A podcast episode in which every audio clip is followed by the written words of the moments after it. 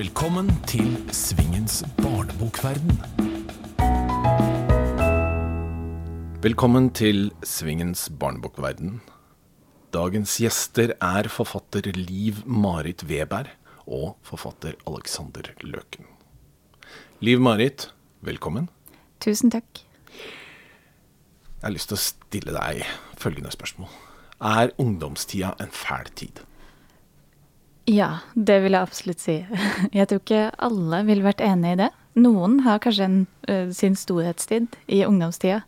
Uh, så når de Altså, de ser alltid tilbake på ungdommen med lengsel. Jeg har det helt motsatt. Jeg syns det er nå, først når jeg er 30 år, at jeg endelig liksom føler frihet. Jeg føler meg fri fra eh, sosiale normer. Jeg merker at jeg mer og mer kan være den personen jeg vil være. Og det handler for meg om å bli voksen. Sånn hadde jeg det ikke i ungdomstida. Men det er likevel en interessant tid, er du ikke enig? Jo, eh, og det er nok derfor jeg skriver om den. Altså, det er så mye som skjer.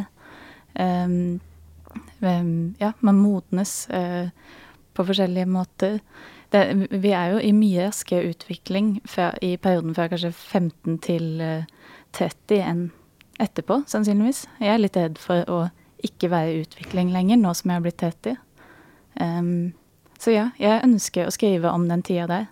Og gjerne en utvida ungdomstid, da. Um, som, som, jeg tenker at varer helt opp til 30, faktisk. Du har til nå skrevet tre romaner for ungdom. Eller skal vi si for unge voksne? Jeg liker å si unge voksne, fordi um, jeg ser jo at det kan passe for et eldre publikum også. Um, Men hvorfor har vi ikke en kategori som heter for unge voksne i Norge? Det har man i mange andre land.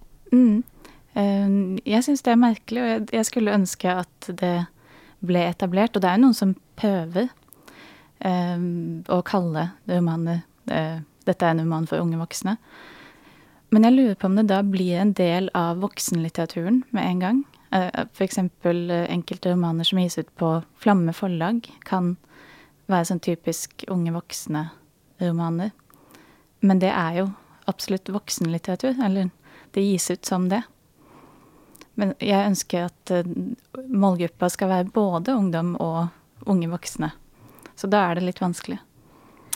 De tre romanene dine, det er 'Jeg blir heldigvis ikke lagt merke til', det er heldigvis ingen som trenger meg, og påstander om meg i tilfeldig rekkefølge. Tenker du at leseren skal få en følelse av at oi, det er flere enn meg som har det sånn? Eller tror du kanskje at mange lesere vil få en å herregud, er det så jævlig jeg har det? Mm, det har jeg ikke tenkt på før, faktisk. At det, at det kan være en effekt. Eh, jeg har tenkt at Ja, det første. At det er alltid fint å snakke om det som er skamfullt, f.eks. For, for det, særlig i de to første bøkene så er det en eh, Den karakteren skammer seg veldig mye over hvordan hun er, eh, og syns det er veldig vanskelig å være i verden. Og da tenkte jeg at det å dele det, og på en måte overdrive hvor, hvor skamfullt hun synes at Eh, det er og bare gjøre en helt enkel ting som å gå i butikken, på en måte. Det kan være fint for noen som har det sånn selv. Um, kanskje jeg håper litt Altså det, siden jeg overdriver og bruker humor mye, uh, så håper jeg jo også at um, At de tenker at så ille har jeg det i hvert fall ikke, på en måte. Uh, at ja um, Det kan være en trøst i det, at det er noen som har det litt verre. Du sier du bruker humor, og bøkene dine er definitivt morsomme. Vet du hele tiden selv når du er morsom? Det eh, skrev jeg nettopp en liten artikkel om til Barnebokforum. Eh, og eh, jeg er ikke helt sikker. Altså, det, det, har skjedd en gang jeg skulle dele en tekst med en skrivegruppe. Og det var etter at jeg hadde gitt ut de to første bøkene. Jeg skulle liksom begynne litt på nytt og gjøre noe annet. Så tenkte jeg at jeg skulle skrive noe veldig, noe mer inderlig, da. Uh, og det var den kanskje. Det handla om en veldig deprimert jente. Og jeg trodde ikke at jeg brukte humor. Men, uh, men så sa de da at uh, at den teksten også var morsom. Altså, den var ikke bare morsom, men den var, var det også. Eh, så, så, da opplevde jeg jo at jeg ikke hadde helt kontroll. Og når, når, jeg leser den teksten nå, så ser jeg jo hva som kan være morsomt, for det var fortsatt et ungt språk. Eh, altså, så hun kunne karakterisere psykologen sin som et eller annet. Altså, det var noe humor der, men som jeg ikke egentlig tenkte på som humor, for jeg så bare på en måte den vanskelige situasjonen hun var i. Um, jeg levde meg veldig inn i hennes situasjon og syntes ikke det var morsomt. Men ja, det, så svaret er vel at jeg ikke alltid vet. Um, men uh, noen ganger så vet jeg at jeg nesten prøver um, uh, litt for hardt mot at jeg virkelig vil være morsom. Um, det kan jo også tippe over, kanskje. Jeg regner med at du, som de fleste andre som skriver for barn og ungdom, har reist ganske mye rundt med bøkene dine? Nei, det, det stemmer ikke. Um, nei, jeg er en av de få som ikke gjør det. Så du det, sier nei? Uh, nei, jeg sier ikke nei. Uh, og jeg skal f.eks. på noe uh, Jeg blir veldig glad for å bli spurt. jeg skal på en sånn elevbokbad i videregående skole i Østfold om ikke så lenge. Og det gleder jeg meg veldig til. Så det er egentlig jeg, jeg, sliter litt med det. Altså, jeg hadde slitt med å være en som reiser mye på turné. Fordi uh, da er jeg alltid i på en måte nye situasjoner. Uh, det hadde vært vanskelig for meg å møte nye klasser hele tiden. Jeg kan gjøre det liksom innimellom, men det, det vet jeg at kommer til å kreve en del energi, da. Så du er med andre ord litt introvert? Litt introvert, ja. Men har du et inntrykk av hvem leserne av dine bøker er? Er det de som kanskje selv også opplever seg som litt usynlige, eller er det de som trenger på en måte et innblikk i eh, hvordan andre har det? Jeg får inntrykk av at på de to første bøkene så er det de som kjenner seg igjen, som liker dem. Altså, eh, ja, det er de som liker dem aller best. Um, for eksempel så fikk jeg noen sånne meldinger på Facebook og sånn før å lese. Og det kunne være voksne folk også, da, bibliotekarer eller Og da, da virka det som det var den, ja, den, gjenkjennelsen som gjorde at jeg likte det så godt. Uh, men den, den, siste boka mi er jo ganske annerledes. Eller karakteren er en helt annen type. Uh, og da tror jeg jeg har fått noen andre lesere igjen. Uh, for eksempel så var det en bibliotekar som var helt ærlig om det, at hun ikke likte de to første i det hele tatt, men hun likte den siste. Apropos den siste, som da heter 'Påstander om meg i tilfeldig rekkefølge'. Jeg syns du skal få lov å rett og slett fortelle litt om den. La oss tenke oss til at du er på et av dine sjeldne skolebesøk. Du eh, står foran en masse ungdomsskoleelever som eh, er litt negative til bøker. Hvordan skal du nå selge inn denne boka? Hva skal få dem trigge deres interesse for den? Ja, og der har jeg litt lite trening, så det, det kommer jeg ikke til å kunne svare godt på. Du skal likevel prøve nå, har vi ja. tenkt. Men det jeg ville gjort, da, som jeg ikke får gjort akkurat her og nå, det er at jeg tror jeg ville begynt med å lese. Altså, jeg ville nok uh, Ja, eh, det, det, er det eneste jeg stoler på i en sånn uh, formidlingssammenheng. At teksten på en måte kan snakke for seg selv. Og at de trenger å høre Jeg syns også det er vanskelig å forklare bøkene mine, fordi stemmen er så viktig. Men jeg skal prøve nå, da. At det handler om um, Weifa, som um, uh, går på Først på ungdomsskolen og så på videregående. Uh, og hun er med i en jentegjeng. Altså, det er litt merkelig at hun har blitt venner med de jentene her, men det, det ble altså sånn. Eh, og hun eh, føler seg veldig annerledes og ikke Altså, hun eh, føler seg ikke dårligere. Hun bare synes at de andre er helt høl i huet, egentlig. og så har jeg den Og så heter jo boka 'Påstander om meg i tilfeldig rekkefølge', og det er fordi hun tar utgangspunkt i påstander som de venninnene har sagt om henne, og så går hun gjennom dem én eh, etter én og viser hvorfor det egentlig er dem det er noe galt med, da, og ikke henne. Så den her handler også om eh, det å være utenfor, på en måte, men det er en valgt eh, utenforskap. Så det er vel kanskje den største forskjellen. Jeg syns du gjorde et godt eh, innsalg. Jeg tror sikkert det er i hvert fall et par stykker i den klassen som Det er vanskelig å få ungdom til å lese bøker. Ja. Hva kan vi gjøre? Det vet jeg ikke. Em, jeg jobber jo på en måte med det nå. Eller altså um, Jeg jobber på et nettstudie på Norsk barnebokinstitutt. Uh, for, eh, og det er en videreutdanning for formidlere. Men der underviser jeg aller mest i litteraturen. Jeg har på en måte en sånn tillit til at litteraturen skal uh, uh, være nok i seg selv. Men jeg vet jo at sånn er det ikke. I, det, det er ikke den hverdagen bibliotekarene møter når de skal formidle til ungdom, eller lærerne. Så ja det, Jeg tror ikke jeg har noe godt svar på hvordan vi skal få ungdom til å lese. Men vi har ikke tenkt å gi opp. Nei. Nei. Du har jo også i tillegg gått forfatterstudiet på Barnebokinstituttet. Har det gjort deg til en annerledes forfatter, tror du, enn om du eh, bare hadde sittet hjemme og skrevet mye og lest mye?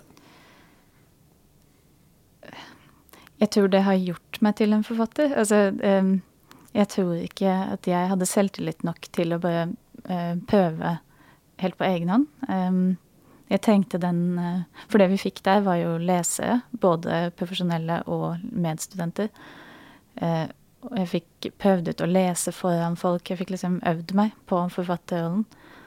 Og til slutt så hadde jeg et manus som jeg kunne sende inn. Og jeg tror at det hadde vært vanskelig for meg å motivere meg, til, motivere meg selv til å skrive en hel bok hvis jeg ikke hadde hatt den oppbackinga.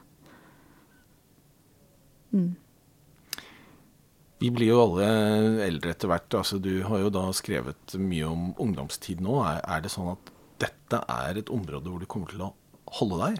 Eller er du på vei oppover i alder? Jeg har liksom følelsen av at du går antagelig oppover istedenfor nedover. Men det er mulig jeg tar feil. Ja, Um, ehm, ja, jeg tror jeg kommer til å gå oppover uh, også. Men, men kanskje ikke så- langt opp. For jeg syns jo fortsatt at det er den ungdomstida, men en utvida ungdomstid, som er interessant. Og så kan det hende at jeg opplever noe veldig interessant i 30-åra som jeg blir nødt til å skrive om, og da kanskje jeg eh, går oppover. Fordi jeg, eh, jeg bruker jo meg selv mye i eh, tekstene mine. Altså det trenger ikke å være karakterer som er like meg nødvendigvis, men jeg bruker de erfaringene jeg får i livet, da. Ja, for det er jo alle journalisters favorittspørsmål til forfattere. Hvor selvbiografisk er denne boka? Jeg har alltid tenkt at jeg ikke skal stille det spørsmålet, men nå eh, åpner du jo litt den døra, da. Ja. Eh, nei, altså eh, Jeg bruker eh, egne følelser veldig mye. Men de kan jeg på en måte um,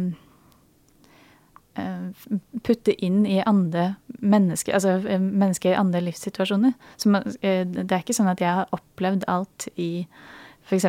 de eh, første to bøkene. Og det er kanskje de som ligger nærmest, altså nærmest meg. Mye angst og beven. Men Men eh, jeg har likevel gitt henne helt andre erfaringer. Eh, hun lever f.eks. helt isolert etter videregående.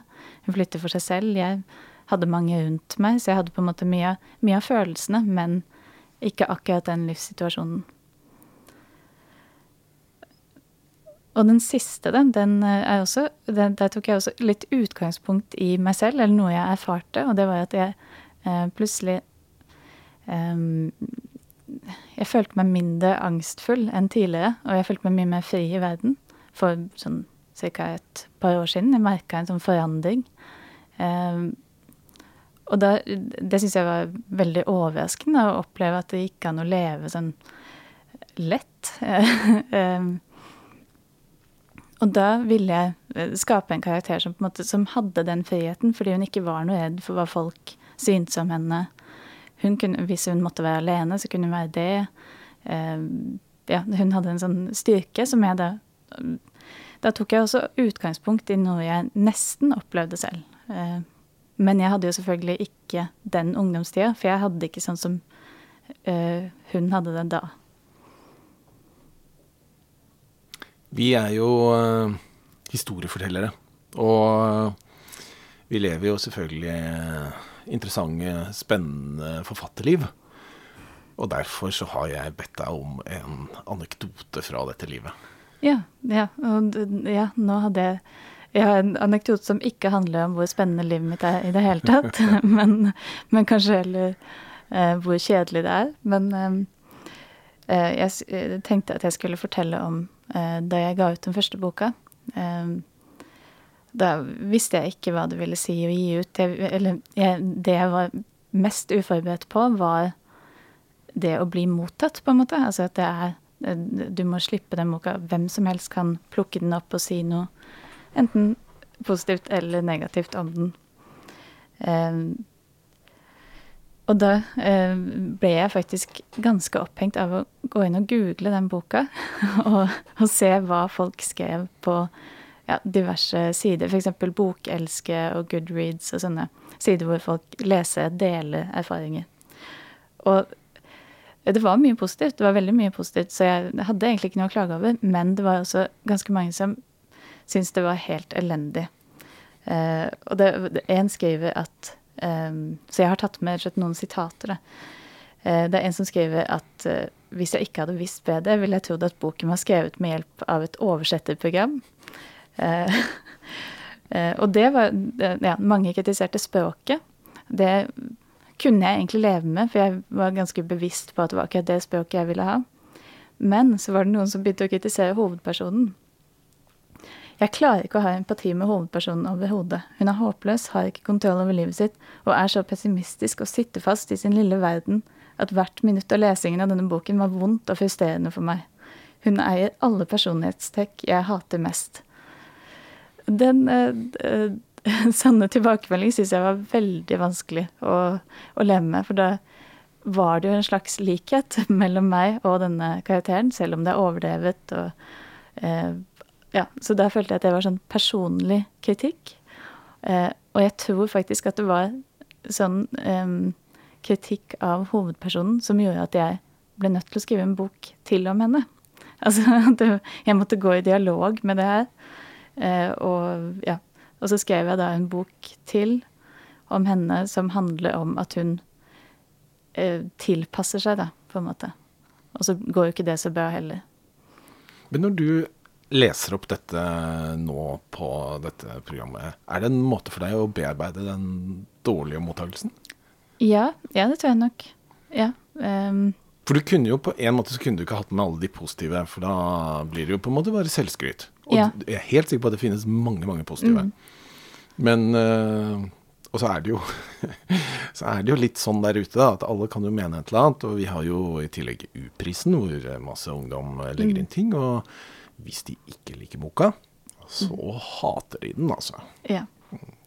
Hadde egentlig et uh, sitat fra en ungdom òg, og det, ja, det var ganske drepende, det også.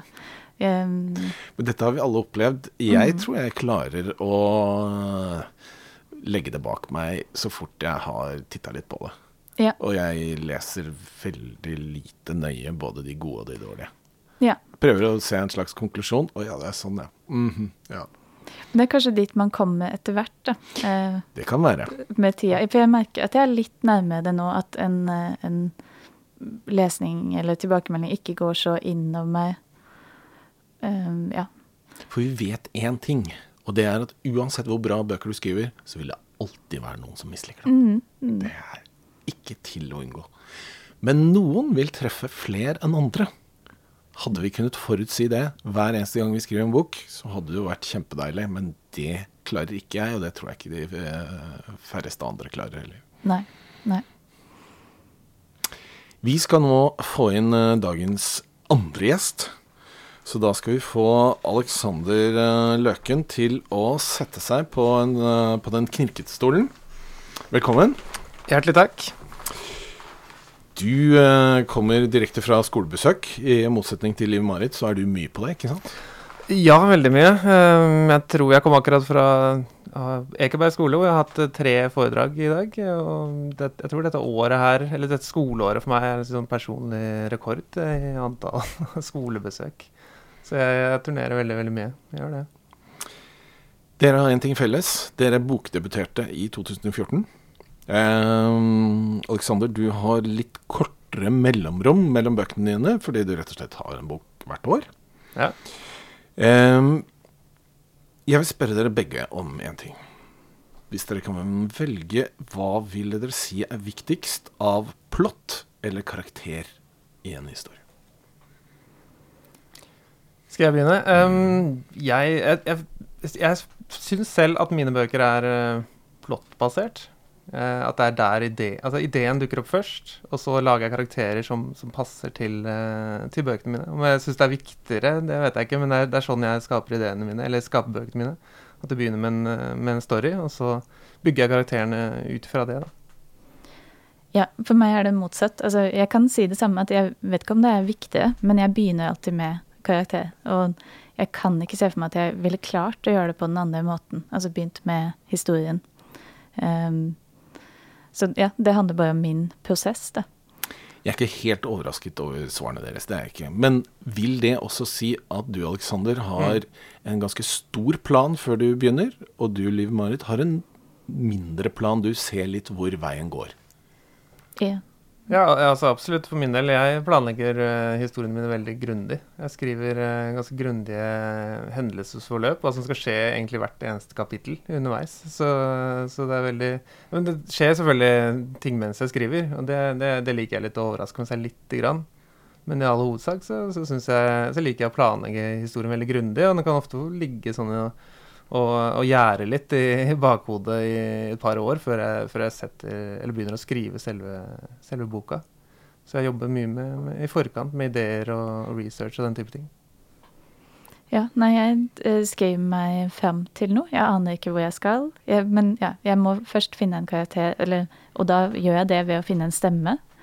Uh, og så har jeg alltid en sånn krise uh, mot Altså mot slutten av eh, første utkast, på en måte, hvor jeg ikke kommer meg videre i det hele tatt. For jeg aner jo ikke hva som skal skje, og jeg har ikke noe ordentlig historie. Og redaktøren sier til meg at, må, at vi må få til en slags historie her.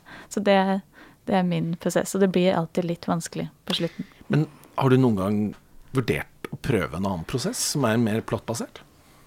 Ja, jeg har vurdert det. Um,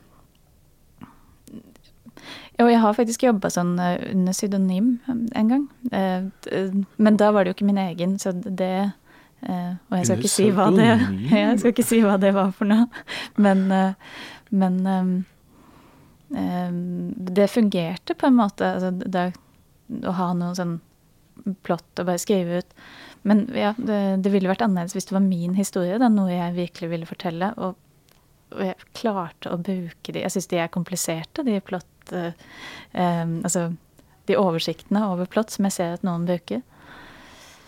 Ja, vi får se. Kanskje jeg prøver det en gang. Det ville vært interessant å mm. se utfallet. Du må kanskje komme opp med pseudonym igjen.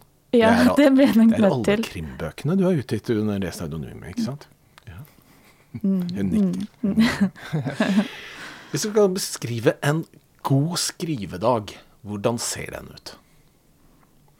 Ja, en god skrivedag for meg er vel uh, at jeg har skrevet uh, litt over 2000 ord. Det er sånn jeg uh, skriver. Jeg skriver ganske raskt. Jeg kan godt bruke flere timer på å surfe på nettet og se på et eller annet på Netflix og sånne ting, til jeg begynner å få skikkelig dårlig samvittighet. Da lager jeg meg en, enda en kopp med kaffe, og så sier jeg 'nå skal jeg begynne'. Og da, da begynner jeg virkelig. Da skriver jeg så det digitale blekket sprutter. Og da er jeg ikke fornøyd da før jeg har bikka 2000 ord. Det er liksom mm. det jeg prøver å få til på en, på en skrivedag. Og det må jeg nesten nå når jeg er, er så mye på turné sånn, hvor det er vanskelig å få skrevet uh, innimellom slagene. Så, så har disse skrivedagene er, er verdifulle for meg. Mm. For, for, meg er det ganske likt. Jeg har vel sjelden en sånn ordantall. Altså, men, men, jeg kan også skrive ganske fort når jeg først får det til. Så da er 2000 ord en sånn mulig mengde. Um, og jeg gjør akkurat det samme. Jeg lager meg masse kaffe, og det er på nett unødvendig å ja, se på serier. Eller kanskje lese bøker, da. Um, YouTube uh, ja. Jeg, jeg begynte å se på Russian Car Crashes. jeg- ikke noe Gir ingen gode skrivedager, altså. Det gjør ikke det. det. Men jeg tror ja, en god skrivedag for meg er å ha en hel dag, kanskje være alene hjemme, og kunne sitte hjemme, da. Ehm, og eh, kunne liksom somle litt, og så komme i gang. Ja. Det, unngåelsen er en viktig del av en god skrivedag. Jeg er helt enig. Akkurat sånn det, sånn det må være. Men så leser man gjennom det etterpå. Og det er jo ikke alle gode, gode skrivedager som egentlig viste seg å være en god skrivedag. Blir man noen ganger overrasket over hvor eh, dårlig det ble til tross for eh, god motivasjon osv., eller motsatt, hvor bra det faktisk ble selv om man hadde en litt dårlig dag? Ja, for meg er det litt sånn at eh, hvis jeg føler at jeg har hatt en veldig veldig bra dag, så er det ikke nødvendigvis at det gjenspeiles speiles i teksten, men det kan gå andre veien nå, da. Hvor jeg tenker at nei, nå er alt bare helt håpløst, og jeg er ikke motivert til å skrive det hele tatt, men jeg må bare få noe ned på papiret, og så blir det ganske bra det jeg skriver den dagen, hvor jeg faktisk ikke er, er motivert i det hele tatt. Så jeg har bare lært meg til å, å rett og slett bare skrive, altså ikke, ikke være så kritisk eh, før jeg da er i gang med, med redigeringsprosessen, da. Så de første par, tre, fire, fem kapitlene så, så går jeg tilbake og leser litt. Men når jeg kommer et stykke ut i boka, så pleier jeg ikke å lese noe særlig neste gang jeg skriver. Jeg, da bare fortsetter jeg der og slapp. Og så kanskje jeg leser, går et par sider tilbake bare for å min, friske opp litt hvor jeg var, og så, og så fortsetter jeg bare. da. Så, så jeg, ja, det er ikke nødvendigvis sånn at det gjenspeiles, eh, det. Nei, nei, jeg er helt enig i det. Uh, og jeg um, Jeg også jeg, tenker at det ikke er lurt å, å gå gjennom og lese hver gang man setter seg ned og skriver igjen, men jeg gjør det fortsatt. eh, og det kan, det kan på en måte gjøre skrivedagen min dårlig. Fordi, ikke nødvendigvis fordi det er så dårlig, men fordi jeg vurderer det som dårlig akkurat der og da. Eller jeg begynner å tenke at ja, men dette er jo meningsløst. Det kan jeg ofte tenke. Eh, fordi en bok må jo alltid på en måte bety noe. Den må jo ikke det, men det kan jeg si til meg selv, ja. Um, mm. Fint. Jeg har bedt dere om å komme opp med et spørsmål til hverandre. Jeg lurer på om vi skal begynne med ditt spørsmål, Aleksander, til Liv Marit. Ja, dere toucha jo litt inn på det her i stad. eh, for du skriver oppvekstromaner for, eh, for ungdom eh, og, og unge voksne. Eh, men jeg lurte på liksom, hvis du, hadde, hvis du skulle gjøre noe helt annet da, innenfor uh, skriving, altså en annen sjanger, en annen aldersgruppe, eller en annen uttrykksform altså, ja, Det finnes jo forskjellige uttrykksformer man kan skrive. Uh, hva kunne du tenkt deg å, å prøve ut? Um, jeg kunne gått opp eller ned i alder. Um, for jeg merker at der jeg er nå, så er jeg jo litt sånn midt mellom Det kan, det kan hende at jeg til og med faller mellom to stoler. Um, så jeg kunne gått opp til voksen. Og så kunne jeg tenkt meg å skrive bildebok. Det dømmer jeg egentlig om, fordi jeg liker godt å lese bildebøker selv. Eh, og så prøver jeg hele tiden, og så syns jeg ikke at jeg får det til. Um, så det kan være et, et sånn, en ny utfordring, da. Få til en bildebok. Mm. Um, ja, og når det gjelder uttrykksformer, så er jeg fortsatt jeg er veldig glad i jeg-fortellingen. Så jeg lurer på om jeg kommer til å holde meg til den, og en litt sånn realistisk altså eh, Noe karakterdrevet. Det, det kan hende at det fortsetter å være det. Men vi får se. Mm. Skal vi ta ditt spørsmål, eh, Liv Marit? Eh, og det er kanskje ikke så veldig klart, men, men jeg gikk eh, um, Jeg visste jo det at du formidla mye, og at jeg ikke gjør det eh, noe særlig. Eh, og det eh, For meg er jo det fordi det føles langt fra på en måte det å skrive en bok og til det å stå på en skole og Mm. snakke om den. Så jeg lurte på hvordan du på en måte balanserer Eller hva er forskjellen på en måte mellom det å skrive boka og formidle, og hvordan balanserer du de rollene? Uh, ja, altså det Man går litt inn i en annen eh, rolle.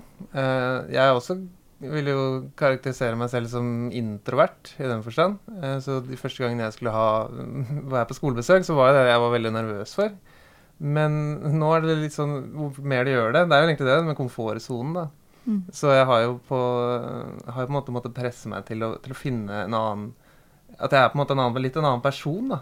For jeg er veldig Når jeg sitter og skriver, og jeg er på sånn kontorfellesskap jeg sitter og skriver, hvor jeg prater liksom nesten aldri med noen av de andre som er der. Jeg er veldig sånn forfatteren som sitter borti hjørnet der. Men med en gang jeg er på skolebesøk, så kommer jeg inn som om jeg eier eh, rommet, liksom. Og, eh, og jeg bare går inn i en helt annen rolle. Så jeg tror det er litt det der med at jeg har klart å, å på en måte hente noe fra som jeg har inni meg. da, altså En, en måte hvor jeg kan ja, være litt ekstrovert da, enn en jeg egentlig føler at det er komfortabelt, tror jeg. Så mm. man kan kanskje pushe seg litt så, så, vil det være lettere neste gang igjen. og neste gang der igjen. Men nå har jeg vært på hundrevis av skolebesøk. Bokstavelig talt. Jeg tenkte jeg skulle skrive ned, eller prøve å telle en gang. Men det, eh, det kan bli en utfordring. Men det var faktisk veldig motiverende for oss forfattere som ikke, ikke har turt helt ennå, da. Mm. Uh, ja, at det går an å lære seg til det. Ja, så Det forsvinner en slags nervøsitet hvis du skal treffe tre klasser på én dag. Da. Det er veldig slitsomt, men du er ikke like nervøs andre gangen. Og i hvert fall ikke tredje gangen. Da begynner du å tenke på at du skal til middag. Så da er det på en måte så det, så det, Og da det vil jo. Men ja, jeg kan også være nervøs hvis det er ting som ikke Som kanskje er litt, uh, litt annerledes. Hvis det er en ny setting plutselig, eller jeg merker at det er en litt bråkete klasse eller et eller annet sånt noe. Men i all hovedsak så, så syns jeg det er enklere og enklere for hver gang. Da. Men mm. litt nervøsitet kan jo være praktisk òg, da. At man får opp adrenalinet litt. Mm. Da tenker jeg det går ut som en uh, uh, slags invitasjon til lytterne om at de kanskje burde kontakte Liv Marit litt mer for eh, mulige skolebesøk. Hun trenger det. Ja. Tusen takk, eh, Liv Marit, for at du kom. Da skal du få lov å sette deg i den gode sjeselongen der borte. Og så skal vi konsentrere oss bare om deg, Aleksander. Mm. Du har jo da på en måte uh, gått fra barnebøker til ungdomsbøker. Altså du De er jo vanskelig å definere en del bøker. Det mm. er vi jo alle enige om. Og noen av disse litt rigide aldersgrensene som eh, Eller kategoriene som forlagene setter på det, mm. eh, stemmer jo ikke alltid helt 100% Men eh, hvis vi skal se på lista di med bøker, så er det på en måte tre barnebøker i starten, og så er det to ungdomsbøker nå. Ja, er det en spesiell grunn for dette? At du har gått litt oppover i alder?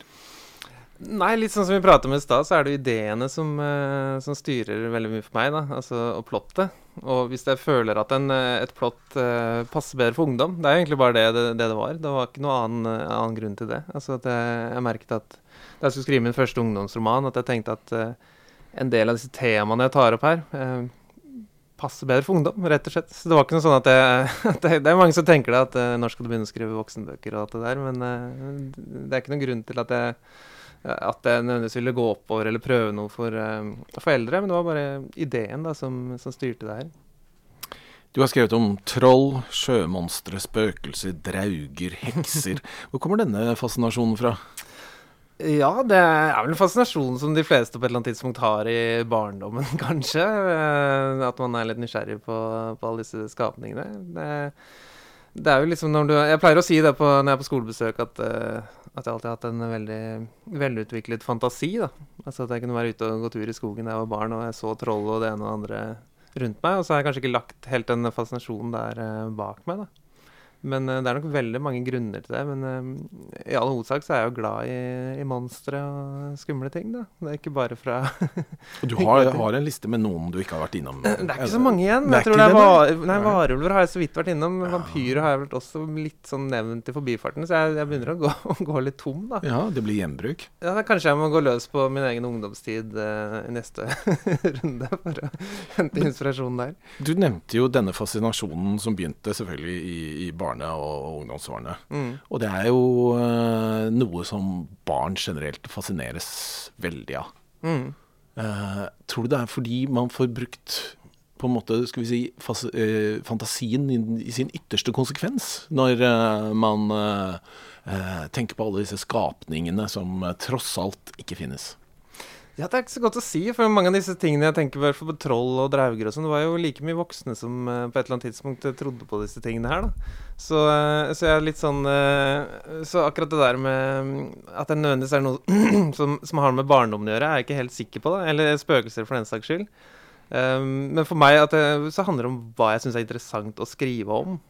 og da vil jeg gjerne gå litt utenfor det vanlige A4-livet som vi alle lever, da. Og nettopp derfor jeg velger disse tingene å skrive om det. For jeg, jeg søker til noe som er uh, mer spennende, kanskje, enn uh, i hvert fall mitt eget liv. da. Det skjer nok av interessante ting i, i verden generelt. Men, uh, men jeg, det, jeg, liker å gå litt på, på utsiden av det. Ja. Mm. ja, for det du forteller oss nå, er at de sosialrealistiske bøkene de kommer ikke fra deg i framtida heller? Så det er ikke utenkelig. Jeg er fremdeles eh, forholdsvis ung. Da kan det hende at eh, Nå, har jeg akkurat ramsa opp at jeg har brukt opp eh, samtlige fantasiskapninger i, i verden, så, så, det kan hende jeg på et eller annet tidspunkt uh, vil gjøre det. Men uh, foreløpig så har jeg syntes det har vært gøy å, å, skrive om sånne ting, da. Uh, så, kanskje jeg har lest Jeg har sett for mye på X-Files i oppveksten eller et eller annet sånt, men, men jeg syns at det er det som er mest interessant å, å skrive om. Vi snakker jo om ting som er eh, litt skummelt, og det fins jo nok av skumle elementer i bøkene dine. Mm. Har du selv noen oppfatning av grensesetting for eh, hvor langt du går i disse bøkene, når de da skal presenteres for eh, barn f.eks.? Uh, nei, egentlig ikke. Altså For meg har jeg vært mer opptatt av det med forståelse. Altså Jeg skriver ikke nødvendigvis spesielt lettleste bøker, så jeg har vært mer opptatt av at det skal, når jeg tar opp ting som kanskje er, er ukjent for mange barn. F.eks. at jeg skriver om 1800-tallet. Så jeg har vært mer eh, obs på det, at det skal være forståelse. Men at det skal være for skummelt, det har jeg Eller, eller for voldelig, det, det, har jeg Det overlater jeg litt til redaktøren min til å, til å luke ut. Så, så det her blir folk skutt og det ene og det andre. Og jeg, jeg lever ganske greit med det. Jeg har ikke fått noen sånn spesielt negative tilbakemeldinger på at det har vært for skummelt heller. Men jeg tror også det går at man er litt utenfor det der med, med eh, At det er såpass uh, out there med, med, spøkelser og troll og sånn. Så det er liksom begrensa hvor mye barna kan de, de, er ikke så unge at de nødvendigvis tror på troll. Jeg tror uh, det skremmer dem på en god måte. Ikke på den uh, kanskje sosialrealistiske måten, da. Hvis man hadde formidlet vold på den måten, at det kan være mer skremmende. Det vet jeg ikke. Men jeg møter en del lesere, så hender det at de kommer opp og, eh, til meg og sier at de har lest denne boka, og da fikk de mareritt etterpå. Mm. Og i starten så tenkte jeg uff uff, nå har jeg gått for langt. Men jeg har jo etter hvert skjønt at dette er jo det ultimate komplimentet. Mm. For det betyr at den boka, den likte jeg virkelig. Den mm. gikk faktisk inn i drømmene mine, og jeg våknet helt svett i senga og tenkte på det. Um, Får du de eh, tilbakemeldingene du har? det er ikke så veldig. Noen ganger får jeg, får jeg tilbakemelding at bøkene mine de er ikke skumle, de er spennende. Ja. Uh, det er liksom den store forskjellen. Spesielt sånn uh, 'Heksenatten', da, den siste ungdomsromanen min, som jeg så Jeg skrev det som en slags sånn grøsser, men jeg fikk mer tilbakemelding at det var en, at det var spennende, at det var alt det der, men ikke nødvendigvis spesielt skummel. Men blir du litt overrasket over hva de faktisk finner mest skummelt i bøkene dine? Ja, men det er, Nei, kanskje ikke, fordi det er eh, Det er, det er på en måte få ting de egentlig syns er skummelt. Alt er litt sånn spennende. Eh, så jeg, jeg vet ikke hva jeg egentlig må, må touche innpå for å skremme ungdom nå til dags, eller, eller barn. Om det er liksom hva, hva, er det som er mest skummelt? Du må tøye den strikken, antagelig. Ja, ja, kanskje må, ja, jeg må prøve å finne ut nøyaktig hva Men ellers så er det ikke nødvendigvis et mål, da. At det skal være Jeg er glad i, jeg er så, eller jeg er glad i skrekkfilmer, men jeg bare tør ikke å se på dem, på en måte. Kanskje jeg er litt sånn uh, pinglete. At jeg ønsker å skrive mer spenning istedenfor uh, grøss, da. Mm. Men 'Heksenatten', som kom altså i fjor, mm. det er jo ingen uh, sosialrealistisk bok, men likevel så har jeg skjønt at den uh, kommer av en uh, delvis selvopplevd hendelse? ja, stemmer det. Fortell. Ja, 'Heksenatten' handler jo om noen ungdommer som er på mørkekjøringskurs i Nittedal. de skal ta lappen, da, og så, og så krasjer bilen deres, og så blir de tatt til fange av hekser. Og eh, jeg vil ikke si at alt det her har skjedd med meg på ordentlig, men, eh, men jeg, var, jeg tok jo lappen nå i ganske voksen alder for bare noen få år siden. Eh, en av grunnene til det var jo selvfølgelig for at jeg kunne reise på skolebesøk da, i landets strand rundt. Og da var vi faktisk oppe i Nittedal, så da var det meg og en gruppe ungdommer i en sånn bil. Hvor jeg var klart eldste der. Og eh, vi kjørte opp i Nittedal på kveldstid på, på, vinteren, og jeg kikka rundt meg og tenkte jeg det her er en perfekt setting da, for, en, eh, for en virkelig spennende, spennende bok. Hva kunne skjedd akkurat nå som hadde vært virkelig, virkelig skummelt? eller er spennende. Og det var da jeg fikk ideen til at uh, det huset oppi, oppi skråningen der, oppi skogholtet der, der bor det hekser. Men det kan hende jeg valgte hekser fordi jeg hadde brukt opp alle de andre skapningene. For det kunne jo, kunne jo fort ha vært at det kom et troll eller spøkelser. Men da hadde jeg jo allerede skrevet bøker om disse. Men du opprettholder jo din uh, utgivelsesfrekvens ved å ha en ny bok som kommer antagelig i mai, stemmer det? Ja, jeg tror det ligger an til det nå. Mm. Mm -hmm. Jeg syns rett og slett eh, du skal uh, fortelle alle oss som da ikke har uh, mulighet til å ha fått noe innsyn i det manuset ennå, mm. om hva som kommer. Ja, altså um, De første bøkene mine var jo bøkene om, om Edvard Frost, uh, som foregår på 1880-tallet. Uh, og det var jo en, en avsluttende trilogi. Uh, men jeg, jeg fikk allikevel veldig ofte spørsmål om hvordan gikk det med Edvard, og hvordan gikk det med disse andre karakterene. Og jeg hadde jo lagd en slags Oppi hodet mitt en, en litt sånn familiesaga der, da. Eh, som jeg ikke nødvendigvis visste om jeg kan realisere. Men, eh, men, plutselig så fikk jeg ideen at jeg hadde lyst til å gjøre det. da. Så, så den nye boken heter da 'Victoria Vargmo og jerntrollet'.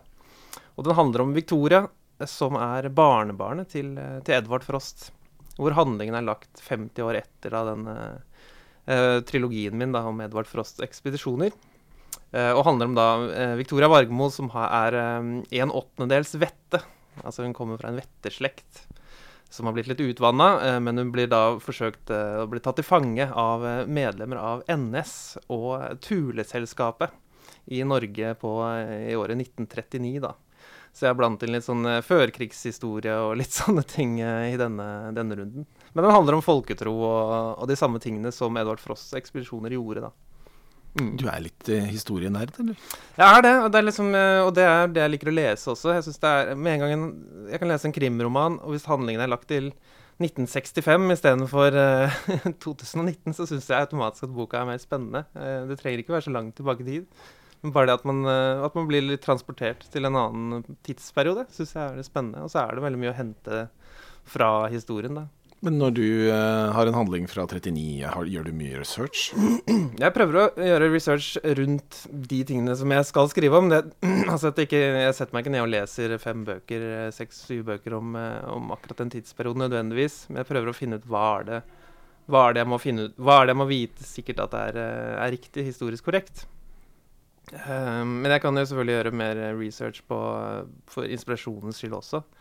Men som barnebokforfatter så er man litt heldig at man kan, ofte kan skrive litt rundt ting. At, fordi man skal jo helst ikke gå altfor detaljert til verks ved å beskrive hvordan gater ser ut, eller at den gata der var parallellgata til den, og der lå det hospitalet. Altså, det er ikke så veldig interessant for unge lesere nødvendigvis, og da slipper man unna kanskje mye av den der aller groveste eller verste researchen. da, Som hvis jeg skulle skrevet noe tilsvarende for voksne.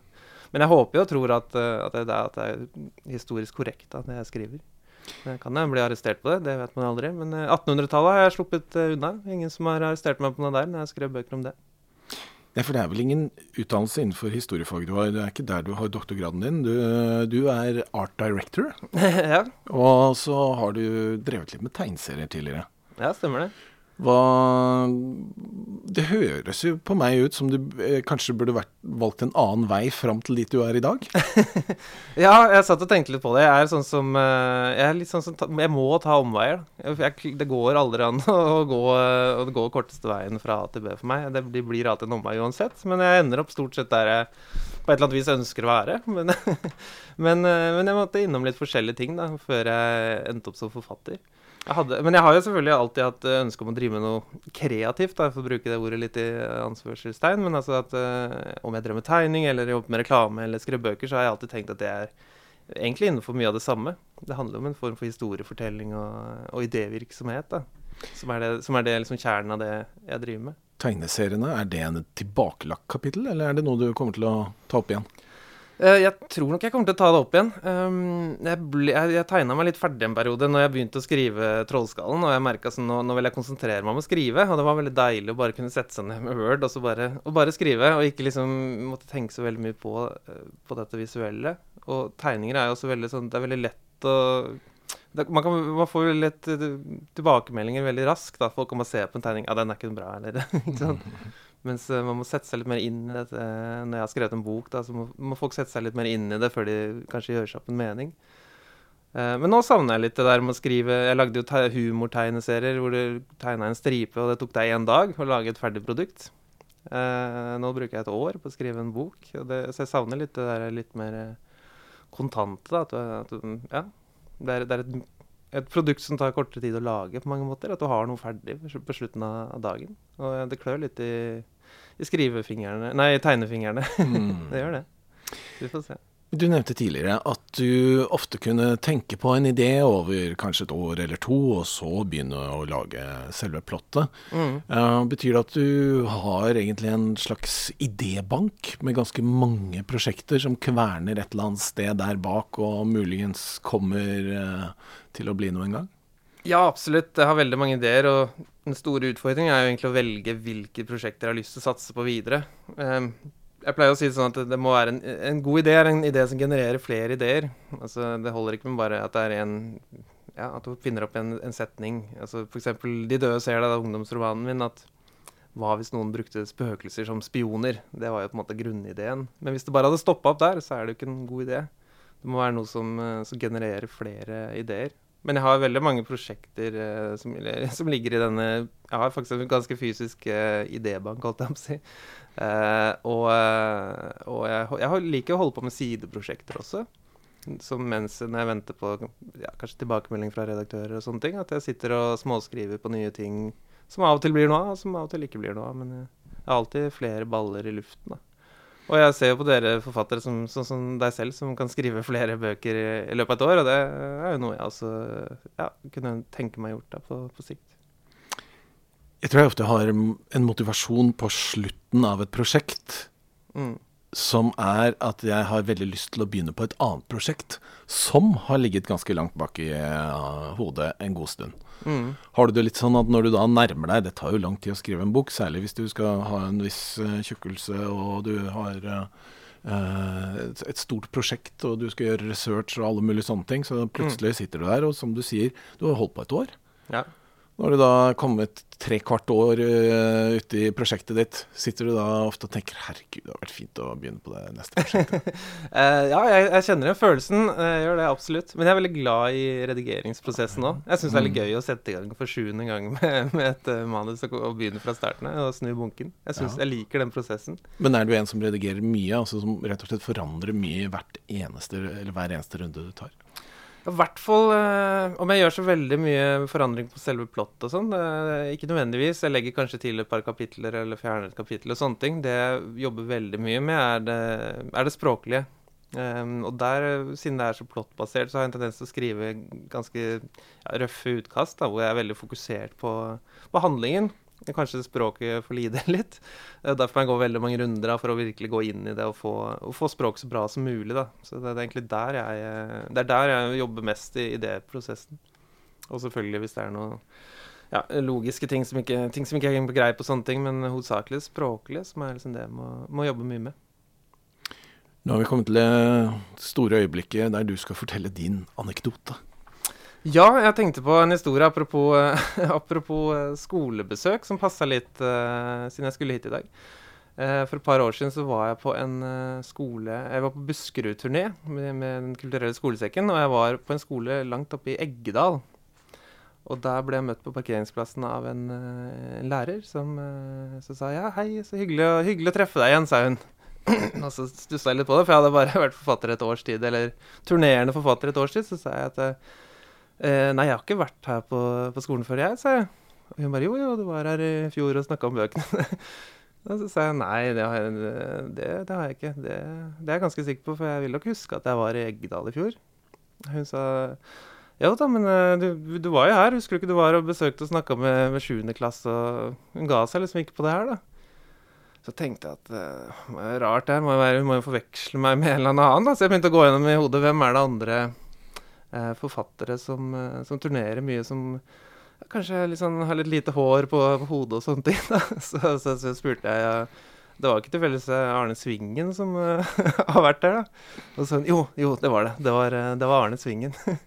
Så jeg tenkte jeg skulle spørre deg, faktisk, for jeg lurer på det her. Var du i Egda, på Eggedal skole i dine siste par-tre årene? Jeg tror at hun tar feil, at det var Jon Evo. det var Jo Nevo, ja. ja det var... Er ikke dette veldig urettferdig, da? At vi blir uh, forvekslet rett og slett fordi vi bare har en så herlig frisyre? Jo, jeg syns det er liksom, nesten litt diskriminerende. Hvis vi bare hadde slengt uh, parykker på oss alle sammen, ja, så hadde vi ikke ligna på hverandre. Tenk om alle blonde damer skulle liksom Nei, er du, ing du er ikke Ingo Normat, nei. Ja, nei, da Det er jo ikke sånn. Nei. nei. Altså, Appåtil så tror hun ikke at jeg husker selv hvor jeg har vært engang. Så det er ja. Men jeg har en løsning på dette, Mm. og det er selvfølgelig hatt. Ja, muligens. Ja, så hvis en av oss, det trenger ikke være meg, jeg gir deg muligheten nå, Ja, begynner med hatt, så kommer de ikke til å Ja, feil. kanskje det. Det er en form for branding, da. At man, eh, at man bruker en hatt som er veldig lett gjenkjennelig i, i alle sånne sammenhenger. Så jeg skal, jeg skal tenke på det. Ja, eller ansiktsmaling. Det er, det er populært hos elevene. Da. Ja, ikke sant? Aleksander, Alexander, tusen takk for at du kom. Takk for meg. Da er vi eh, ferdige med dagens episode i Svingens barnebokverden. Eh, Vi er tilbake om en måned. Takk til Cappelen Dam for lån av studio. Og takk til Kulturrådet. Vi høres. Du har hørt på Svingens barnebokverden med Arne Svingen.